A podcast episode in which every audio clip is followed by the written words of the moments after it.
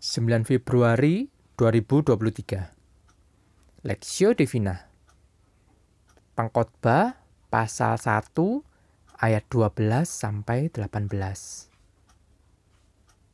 Aku pengkhotbah adalah raja atas Israel di Yerusalem.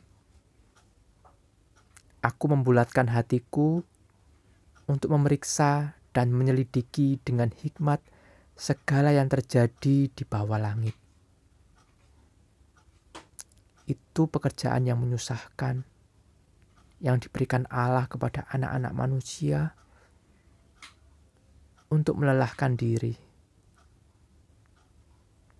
Aku telah melihat segala perbuatan yang dilakukan orang di bawah matahari, tetapi lihatlah segala sesuatu adalah kesia-siaan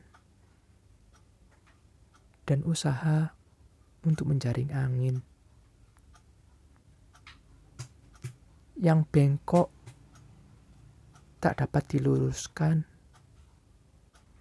dan yang tidak ada tak dapat dihitung.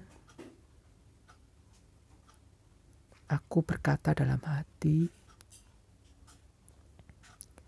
Lihatlah, aku telah memperbesar dan menambah hikmat lebih daripada semua orang yang memerintah atas Yerusalem sebelum aku, dan hatiku telah memperoleh banyak hikmat dan pengetahuan.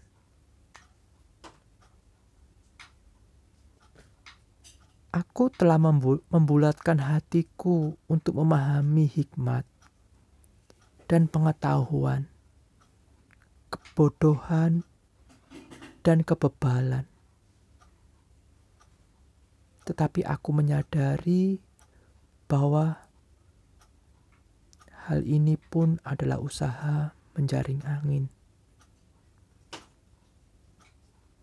Karena di dalam banyak hikmat ada banyak susah hati. Dan siapa memperbanyak pengetahuan, memperbanyak kesedihan.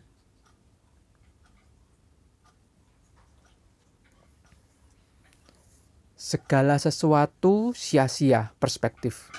Aku telah melihat segala perbuatan yang dilakukan orang di bawah matahari. Tetapi lihatlah, segala sesuatu adalah kesia-siaan dan usaha menjaring angin.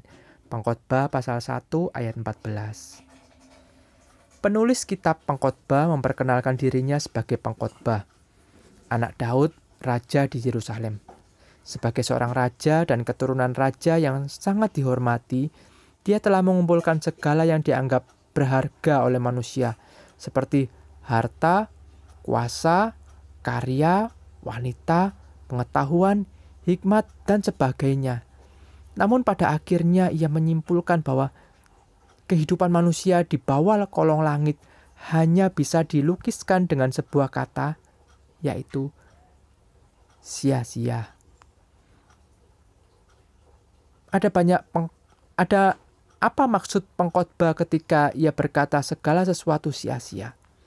Segala sesuatu yang ia maksudkan bukan mengacu pada segala yang ada tanpa batas, melainkan hanya merujuk pada segala sesuatu yang ada terjadi di bawah matahari.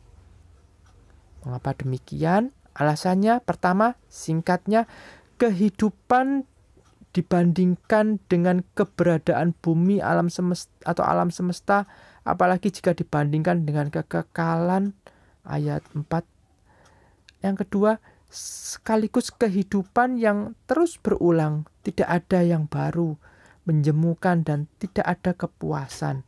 Ayat 5 sampai 10. Ketiga, semuanya akhirnya juga akan dilupakan dan terlupakan. Ayat 11. Dari segala sesuatu yang hanyalah kesia-siaan, pengkhotbah secara khusus menyoroti kesia-siaan dari jerih lelah pengejaran hidup manusia di bawah matahari. Ia sendiri mengalami dan merasakannya. Ia telah berjerih lelah memperbesar hikmat dan pengetahuan. Ia juga berusaha memahami kebodohan dan kebebalan. Apa yang ia peroleh? pada akhirnya semuanya juga tampak sia-sia. Mengapa? Karena di dalam hikmat dan pengetahuan yang ia dapat, ia juga mengalami banyak kesedihan dan kesusahan hati.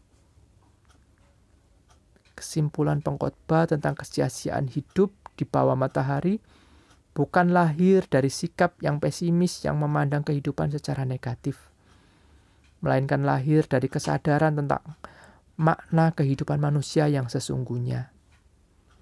Ia menyadari bahwa sukacita, kepuasan, dan makna sejati hidup manusia hanya bisa ditemukan dalam kekekalan bersama Allah, bukan di bawah matahari.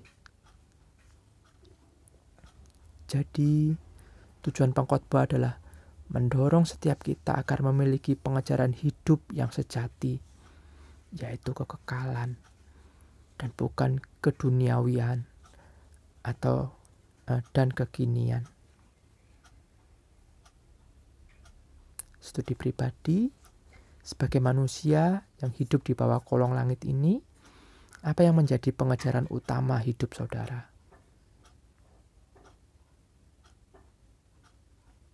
Pokok doa, Tuhan menolong setiap umatnya untuk dapat menyadari serta mengalami sukacita kepuasan dan makna hidup sejati yang ada di dalam Tuhan sendiri, bukan pada segala sesuatu yang ada di bawah matahari.